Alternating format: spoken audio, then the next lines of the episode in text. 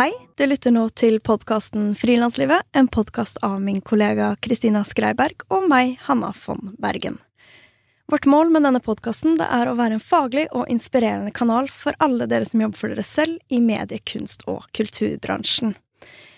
Kristina er journalist og fotograf, og jeg er kulturarrangør, og begge jobber vi med mange forskjellige prosjekter. Vi er veldig glad i å snakke om hva det innebærer å drive for seg selv, og om det å skape, og kraften som ligger bak. Derfor lager vi denne podkasten, og vi håper at du har glede av den. I dagens episode så skal vi ta et dypdykk ned i et tema som for mange kanskje høres litt tørt ut, men som alle vi som skaper noe, er nødt til å forholde oss til fordi det beskytter selve kjernen av det vi driver med, nemlig opphavsrett. For hva hadde kulturlivet vært om ikke vi som kulturutøvere hadde eid det vi skaper? I denne episoden skal vi forstå bedre hva opphavsrett er, hvordan forholde seg til disse rettighetene, og hvorfor man skal bry seg. Denne episoden vil primært rette seg til de av dere som arbeider innenfor musikkbransjen, men mye vil også være nyttig for andre bransjer, og også til alle dere som bruker musikk til video, arrangementer, film, podkast eller annet. Vi kan for øvrig tipse om episode 86, hvor vi snakker med en ekspert fra det visuelle feltet om prising, copyright og lisensiering.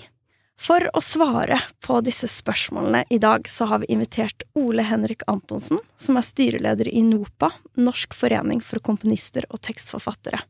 I tillegg til å være styreleder i NOPA er Ole Henrik styremedlem i Tono, og også låtskriver og produsent. Han har jobbet mye både i Norge og i utlandet, og skrevet for blant annet Jan Werner, Maria Arendondo, Tone Damli, Shane Ward og Mel C, for å nevne noen. I tillegg er han redaktør i fagbladet Musikkpraksis og lager podkasten Bak spakene. Fram til Ole Henrik ble valgt til NOPAs styreleder i mai 2020, så har han kun hatt fast jobb én gang i sitt liv, ett år som lærervikar før han dro i militæret. Så han passer godt inn i denne gjengen av frilansere, altså. Hei, Ole Henrik. Hei, og tusen takk for at jeg får komme hit. Som du sa, jeg har vært frilanser egentlig hele mitt liv. Det er veldig veldig lenge siden jeg dro i militæret nå etter hvert, sånn at eh, det er bare et fjernt minne med, med en fast utbetaling i måneden. um, ja, syns vi skal hoppe rett uh, inn i kjernen, eh, for det er opphavsrett vi skal snakke om i dag. Da er første naturlige spørsmålet hva er opphavsrett?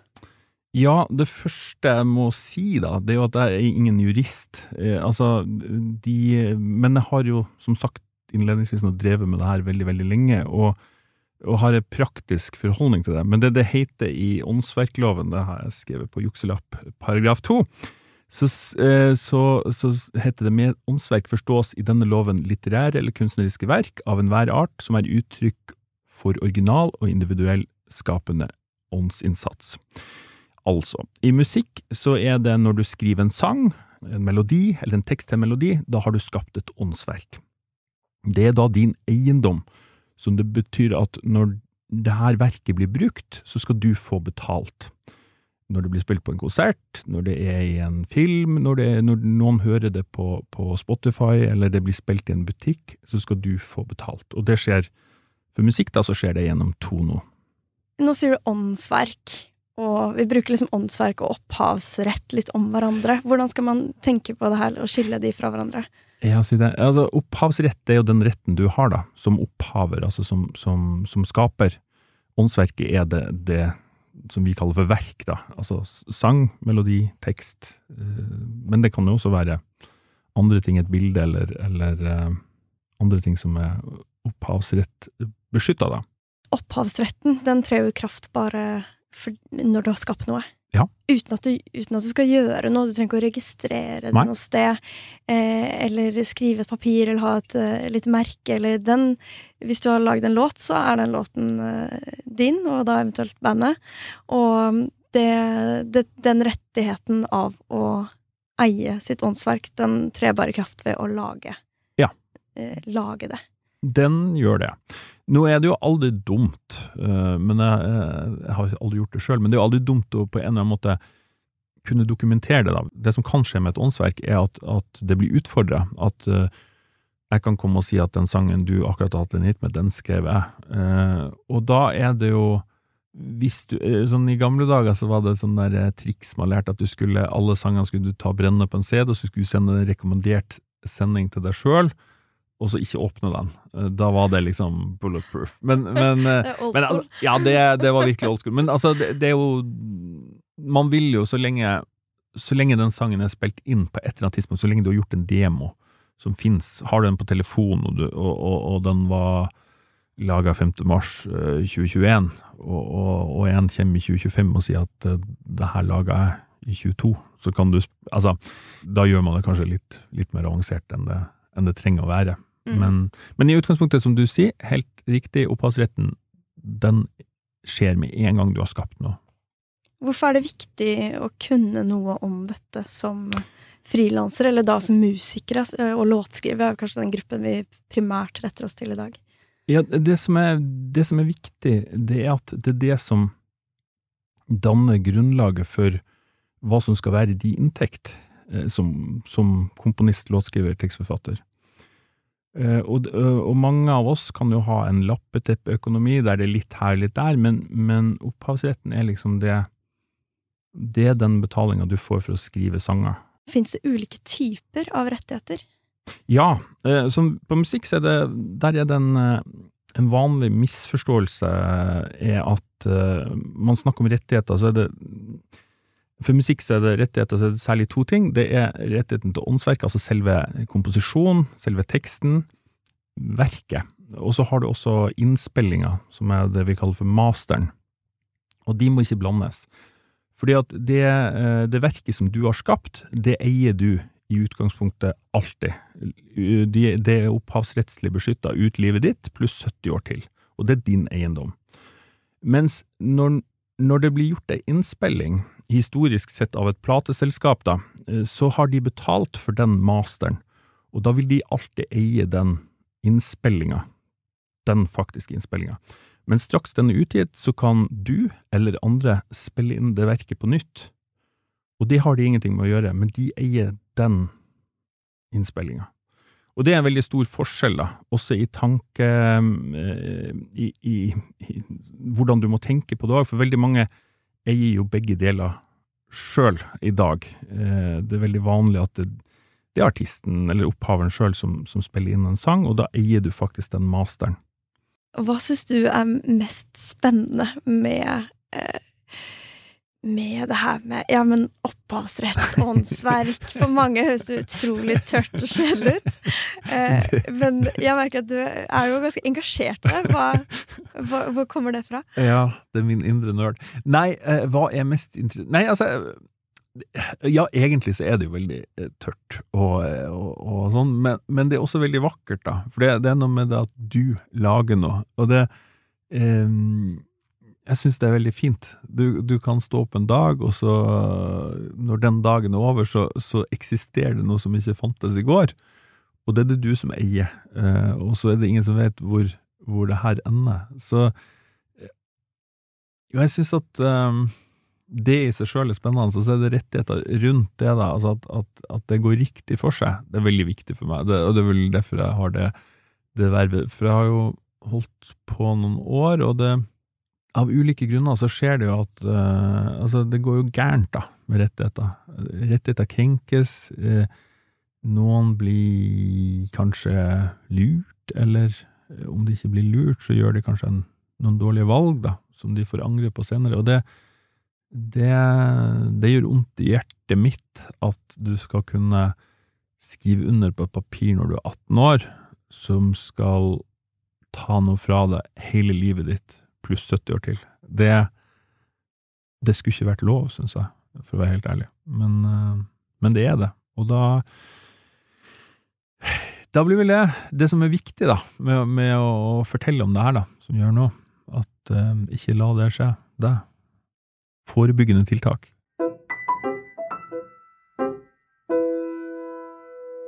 Kan du kort forklare hva eh, NOPA er?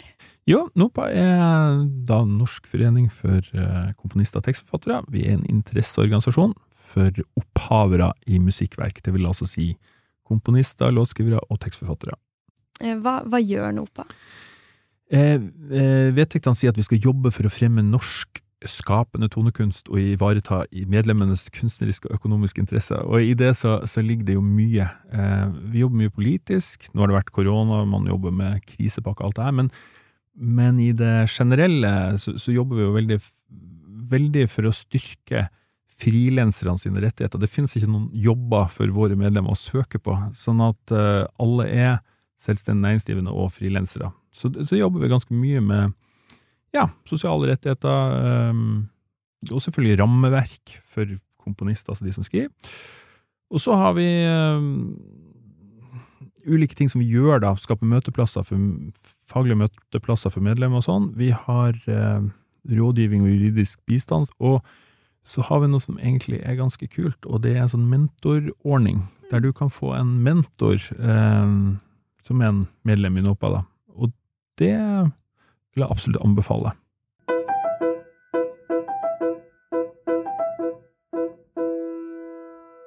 Ta oss med på en måte fra starten. Si at jeg som musiker uh, har skrevet en låt med mitt band.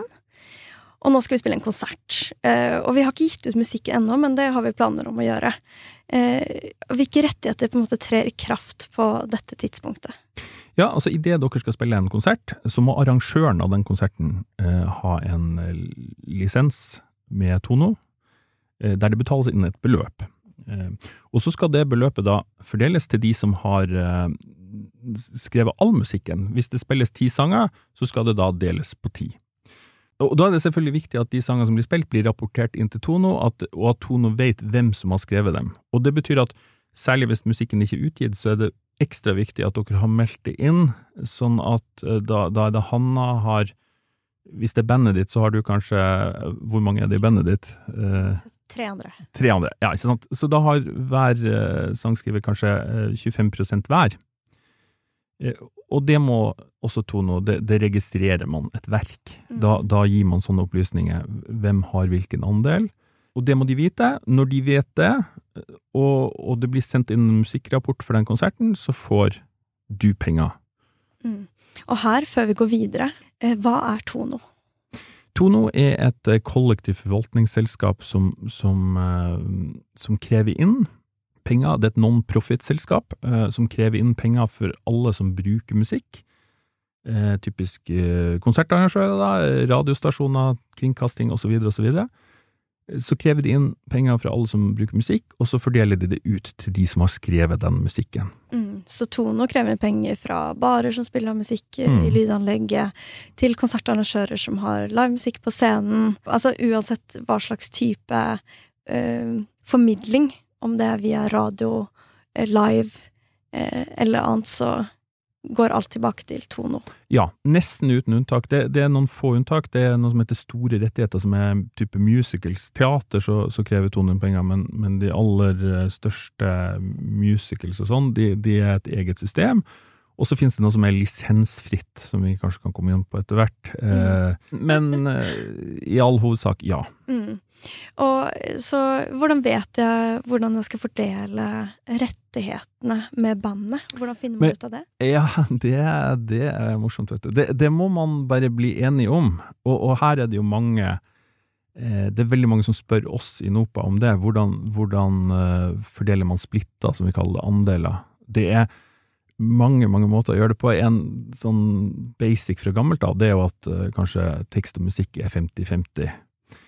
I noen sjangere så gir det mening. Hvis det er visesang eller Ja, eh, så kan det være fornuftig, men veldig mye moderne popmusikk så er jo produksjonen, altså tracket, det, musikken som ligger under, er også ganske viktig. Og da er en, en annen variant er at man deler 50-50 mot med det såkalte tracket og topline, og topline er da melodilinja og teksten.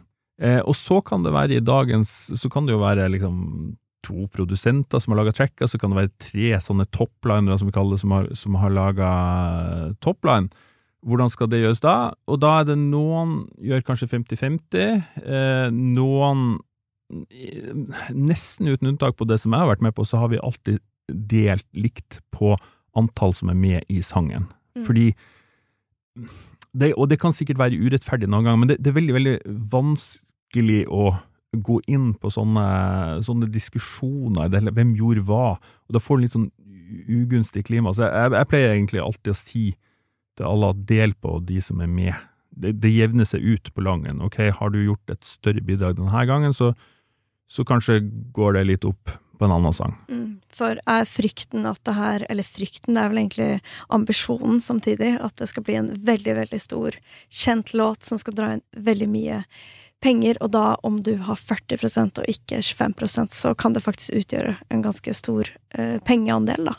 Ja, absolutt, og, og, og, det er jo en sånn det er også en sånn grådighetssituasjon som er lett å komme i, eller der man, der man uh, Med mye følelse i, da, og, og det er jo det folk krangler om, er det ikke det? Prosenter og, og penger og sånn. Så, så, det, det finnes mange historier om det, med store band som har gått i oppløsning fordi at én har hatt, eller om ikke gått i oppløsning, men at, de har vært kimen til den krangelen som egentlig var undergangen, starta der, da. Men, men, det er ingen fasit, og, det, og, og, her står man som opphaver også fritt til å velge. Derfor så i det skjemaet som du registrerer til Tono, eller som nå er online, da, så, så er det en prosent for hver, for hver medlåtskriver, da. Eh, så det det, det er opphaveren sin soleklare rett å, å, bestemme det, og noen ganger er det jo kan det sikkert også være sånn at hvis noen har gjort en liten, liten touch på et eller annet, så, så kjennes det kanskje rart om den personen skal være likeverdig låtskriver. Men, Men eh, hvis jeg husker rett, så har også Tono eh, litt sånn anbefalinger ja. Man skal gå inn, for man går jo egentlig, man logger seg inn på Tone sine ja. hjemmesider, og så eh, etablerer man Man lager en låttittel, og så skriver man på en måte lengde på låten, hvilke eh, mm. personer som har skapt låten, og ja, hvilke, hva de ulike personene har gjort. Mm. Det finnes noen fra gammelt av anbefalte satser, blant annet på arrangør er 16,67 og men altså de, de, oppleves som, for meg i hvert fall, som litt utdatert etter å ha jobba med det her ganske lenge. For det, det, varierer så utrolig. Hva er en arrangør? Hva, hva er eh, Det er ganske vanlig popproduksjon hvis du har en som skriver et strykar, for eksempel, som ikke er på en måte arrangerer hele låten, men som er, en, som er et instrument i sangen. Da er det vanlig å betale penger for det, og at det ikke er noen andel i låten. Mm. Men her kan man altså ta kontakt med NOPA ja. eller Tono og rett og slett uh, få litt tips.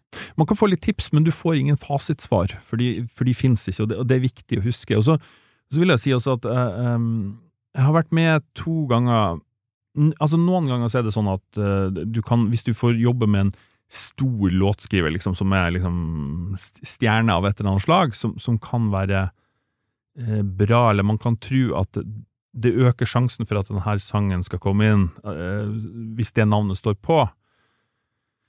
Så kan det jo være Det er veldig sjelden, men jeg har opplevd at noen av de uh, har liksom sånn krav Ja, da skal jeg ha uh, Jeg jobba med tre, to andre, da, og så, så jobba vi med en veldig kjent engelsk låtskriver. Han skulle ha 50% enda det var vi som egentlig gjorde all jobben, ikke sant. Mm. så var det liksom for og imot, men vi valgte å gjøre det. Og da, da er du liksom vel vitende om at, uh, at, du gjør det. Um, det var greit. Um, jeg hadde ikke gjort det igjen. men, uh, men, det var greit, da. Og så Den andre varianten, det, det er sånn fra min egen tidlige karriere. Det, den eneste gangen jeg har vært sånn uh, Jeg og en annen hadde skrevet en sang, og, og denne sangen var blitt med i en ganske kjent uh, melodikonkurranse på TV, og den hadde mm, Eller den var tatt ut til å være med der. Og så var det et ønske om å fikse litt på teksten, og da hadde vi en tredje som var med og fiksa på den teksten.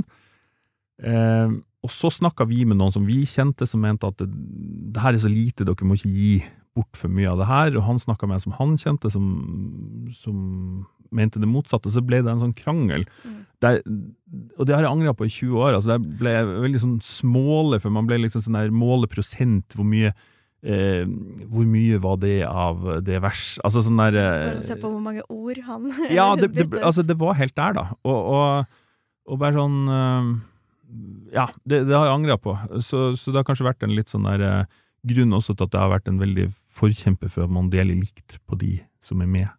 Mm.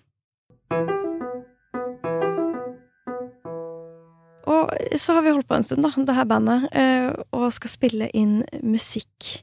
Skal spille en plate. Da Si at vi blir signa med et label Eh, hva er liksom din erfaring med hvordan omsettes rettighetene da? Du var jo inne på det med masterrettigheter, ja. eller innspillingsrettigheter. Ikke sant. Altså, i utgangspunktet så har jo ikke en label I utgangspunktet har ikke den noe med åndsverk å gjøre, hvis ikke den labelen har et musikkforlag også. Det er for så vidt vanlig at det kan ha. Men du vil da få en, altså med labelet så vil du få en, det vi kalte for en platekontrakt back in the days, som, som sier hva de skal gjøre, hva du skal gjøre, hvor stor andel du skal ha av det salget. Men hvis vi går inn på, på forlagsrettigheten, som noen labeler vil kanskje forlange at du skal ha, hvis du skal bli signa der, så må du også ha forlag med oss. Og da er forlag, eh, musikkforlag, i utgangspunktet historisk sett har jo vært som et bokforlag. Altså de ga ut, de ga ut noter, eh, trykka det og solgte det. Og så har jeg etter hvert blitt, eh, blitt noe helt annet, for de forvalter da uh, din opphavsrett, eller dine åndsverk, da. Og tanken er at de skal jo, eller sånn, i en ideell verden så skal de skape merverdi. Hvis du har et, uh, et forlag, så skal det De skal i gåsøye selge din musikk, da, eller dine verk. Og det kan være å få det plassert til andre um, artister. Det kan være å, å, få det utgitt på noter for noen, og det kan være å få det synkronisert i reklame. Sånne type ting, da. Det gjør forlaget. De kan også hjelpe deg med praktiske ting, sette opp co-rights, sånne type ting. For de, for de som er rene låtskrivere, altså det er veldig viktig for å komme seg inn i, i den store verden der eh, altså Hvis vi vil ha plassert oss de virkelig store artistene, så er det lett lettere å få til hvis du har skrevet den sangen sammen med en veldig kjent låtskriver som har vist seg å kunne lage hits før. Det, det, det er bare noen mekanismer som er der. Og det er typisk ting som et, et forlag kan hjelpe deg med. Et forlag kan også gi deg et eh, forskudd da, på de her inntektene, og, og, det har jo vært veldig viktig for noen, da, at, eh, eller en grunn til til å signere en forlagsavtale kan være det at de gir deg noen penger som gjør at du kan satse mer på musikken din, da i en periode så kan du eh, konsentrere deg om å skrive sanger, kontra å måtte gjøre andre ting for å få hjulene til å gå rundt. Så eh, som sagt, i en ideell verden så skal et forlag egentlig gjøre livet til låtskriveren enklere. Men det er, men det er ikke nødvendigvis sånn at, at livet ditt blir enklere med en gang du har sett signaturen ditt på det papiret som de kommer med, som heter forlagskontrakt. Men det kan være bra, men, men det er veldig viktig å tenke godt gjennom. Og det, det aller viktigste er at du vet hva du skriver under på. Det er sånn at både med forlagsavtale og med andre avtaler, så er det Mange spør oss hva er en god avtale, hva er en dårlig avtale. Det er umulig å svare på. Eh, og det er jo sånn at når du er i en oppstartsperiode, så, så vil ikke den avtalen være så bra som etter at du har hatt uh, kjempemange store hits. Sånn er det bare.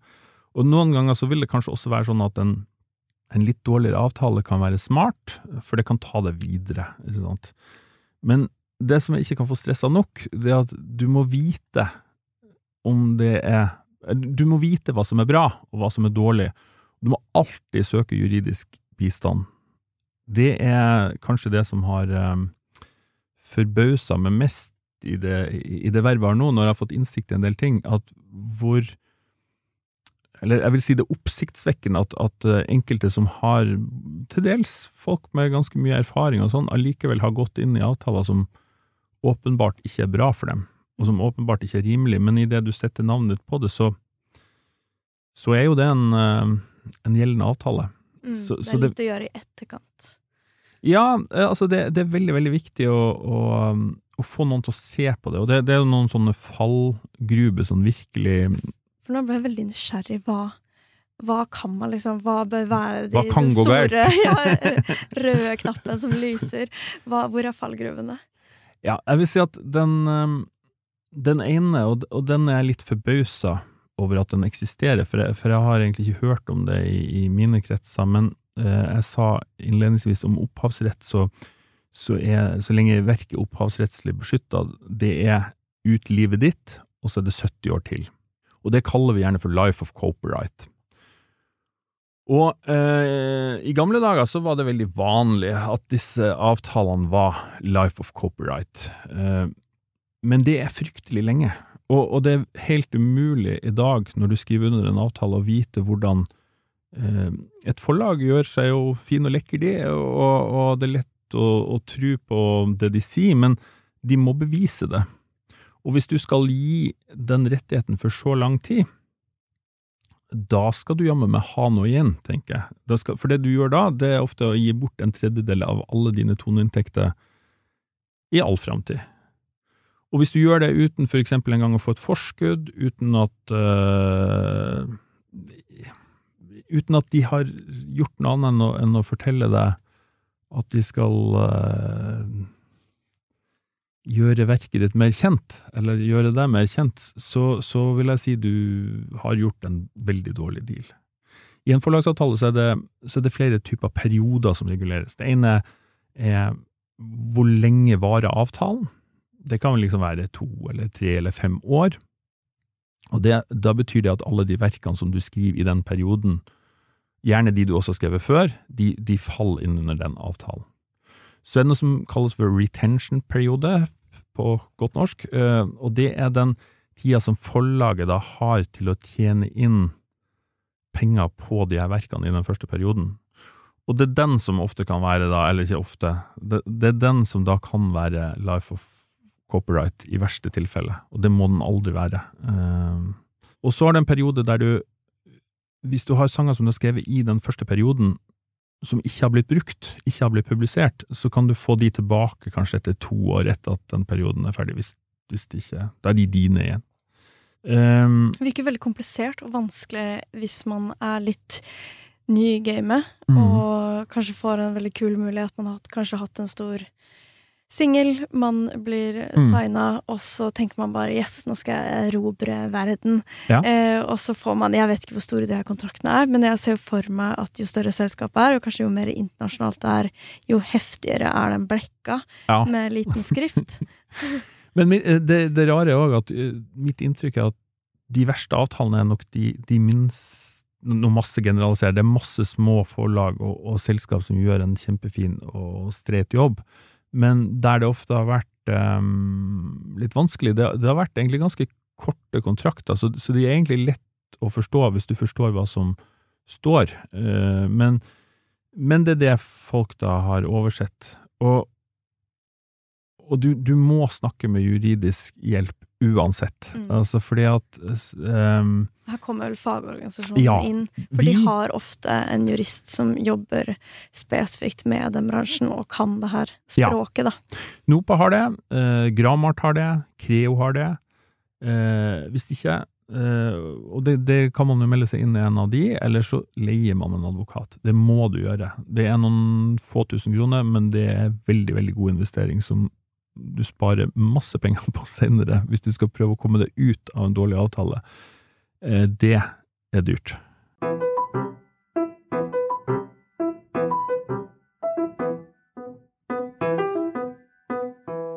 Har du noen historier fra medlemmer eller fra eget liv hvor eh, liksom typiske misforståelser rundt eh, opphavsrett?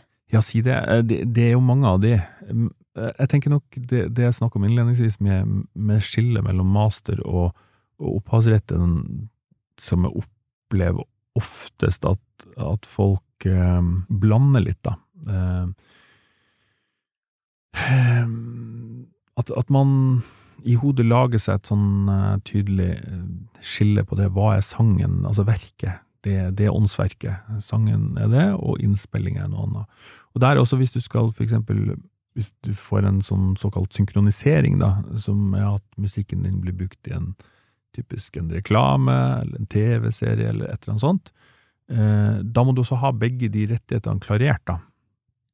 Og da er det jo veldig fint å eie alle rettigheter sjøl, selv, selvfølgelig. Det, det, er veldig fint alltid å eie alle rettigheter sjøl, men ulempen med det er jo selvfølgelig å få Da må du også gjøre all jobben sjøl, og, og, og, ved å avgi rettigheter, ved å, ved å inngå kontrakter, så, så, kan du jo komme i mye større system der det jobber folk med et apparat som jobber på daglig basis for å få plassert sånne ting. Så det er alltid en balansegang, det. Hvordan ser det ut i Norge versus altså internasjonalt i forhold til det her med eh, hvordan vi forvalter rettighetene? Hvem som sitter på kaka? ja. Eh, igjen så, så, blir det jo litt sånn eh, hvilke rettigheter man snakker om. Altså, Åndsverket vil jeg si er veldig bra. Eh, det, er jo, det er jo i utgangspunktet ligger det hos skaperne, og det skal veldig mye til at det ikke gjør det. Du kan inngå en, en forlagsavtale, selvfølgelig, um, etter å ha snakka med jurist, uh, og da, da, tar du et valg på å gi bort forlagsrettighetene for en periode. Um, så er det en trend da, som kanskje mange har lest om med Bob Dylan og Fleetwood Mac, eh, Stargate, at folk selger alle rettighetene. Og det, Tidligere så var ikke det mulig å gjøre fordi Tono-selskapene sa nei. Du får ikke lov å selge, de, de deler det mellom forlagsandelen og writers share. Eh, men nå så jeg vet ikke hvordan det egentlig har skjedd, men det har nå skjedd, da. At man har begynt å tillate det. Og, og for Tono sin del så har man vel også gjort det fordi andre selskaper gjør det, så man står i fare for å Altså hvis man sier nei, så, så, um, så vil de bare meldes ut og gå til et annet selskap der ja, de får gjort det. Ikke konkurransedyktig. Nei. Og jeg tror, jeg tror, ikke det er så mange i Norge det er spesielt aktuelt for, men det er jo verdt å stoppe opp litt. Altså, det kan være mange grunner til at du vil ha de pengene, men, men de som kjøper de rettighetene, de har jo tenkt å tjene mer enn det. Altså, det er jo investering, eh, sånn at uh, det må man alltid huske på når noen vil betale en sum for et eller annet, så regner de med å, å tjene mer enn det på langen. Men så kan det jo være at du skal kjøpe et hus, eller at du skal et eller annet. Du trenger de pengene mens du er her nå.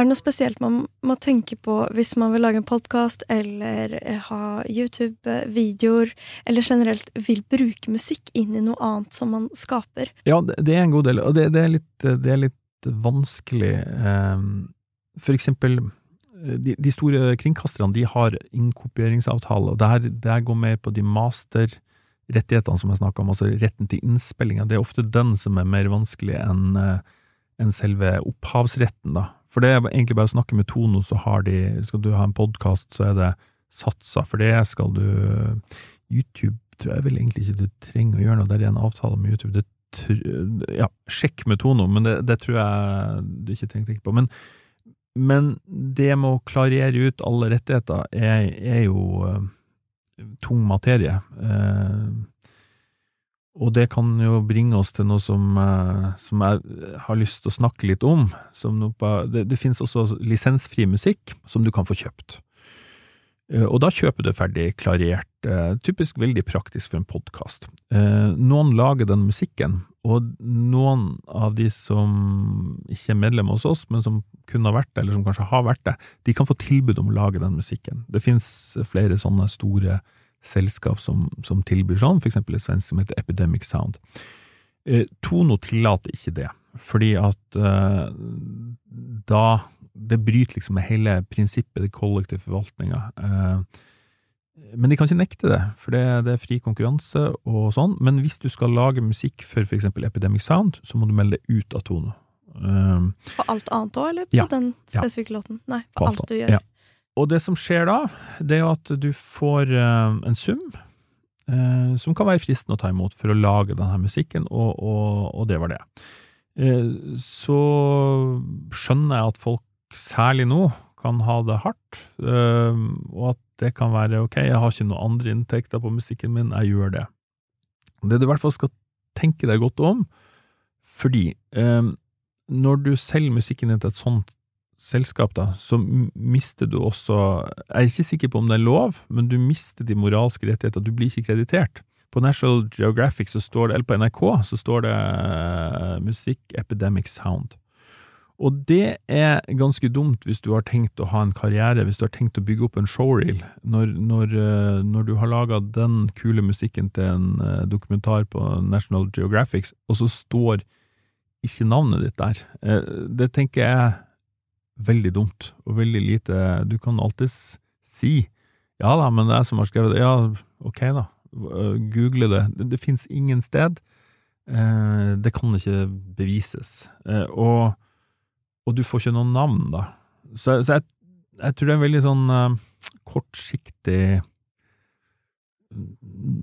ting å gjøre, som jeg håper ikke så mange gjør. Da håper jeg heller man fortsetter å banke på dører hos filmselskap og alle produksjonsselskapene, prøver å, å få inn musikken sin på den tradisjonelle måten.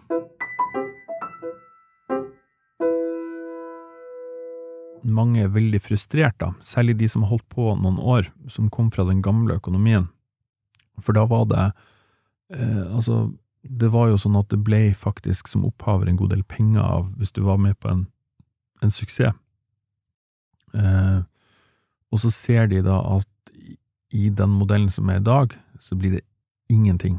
Altså det blir virkelig ingenting. Um, og det er et kjempeproblem, um, som det dessverre ikke er noen enkel løsning på. Man har gått fra en økonomi til en annen. Um, det var mye som ble feil, men selv om man skulle Vi jobber jo hele tida for å få retta opp det, men, men det kommer aldri til å bli sånn som det var, på den måten. Så man må liksom prøve å rigge den, den modellen. Men den, den, store forskjellen der igjen er jo at før, når du solgte ei plate, så solgte den plata ganske fort. Uh, og så var den ferdig, eller et lavt, lavt salg, mens nå så kan det være over lang, lang tid. Og det er jo generelt opphavsrettigheter. Det, det er derfor også noen blir frista av et, et forskudd fra et forlag, eller ultimat å selge rettighetene hvis du er stor nok til at, at, du får et tilbud om det. Det er jo det der å cashe inn med en gang, kontra å, å vente og vente og vente. Men jeg har snakka med Vi har vært ute og reist med vår europeiske og en engelsk Han gjorde veldig inntrykk på meg, han er ganske voksen, da, men han har liksom bare sagt at det er liksom Du samler opp i løpet av livet, og, og husk å samle opp, for etter hvert som du blir eldre, så er det jo mange at produksjonen kanskje avtar litt, eller suksessen avtar, eller et eller annet sånt, så kan du allikevel bygge opp noe som, som kan være en slags inntekt som, som kommer. Mm. Det er veldig fint. Tusen takk for at du kom, Ole Henrik. Tusen takk for at jeg fikk komme. Og så håper jeg alle dere der eh, hjemme eller ute på tur, eller hvor dere enn er, har lært dere masse nytt, og da passer ekstra godt på deres rettigheter framover. Tusen takk til NOPA, Norsk forening for komponister og tekstforfattere, for tilskudd til denne episoden. NOPA er en interesseorganisasjon for opphavere til musikkverk.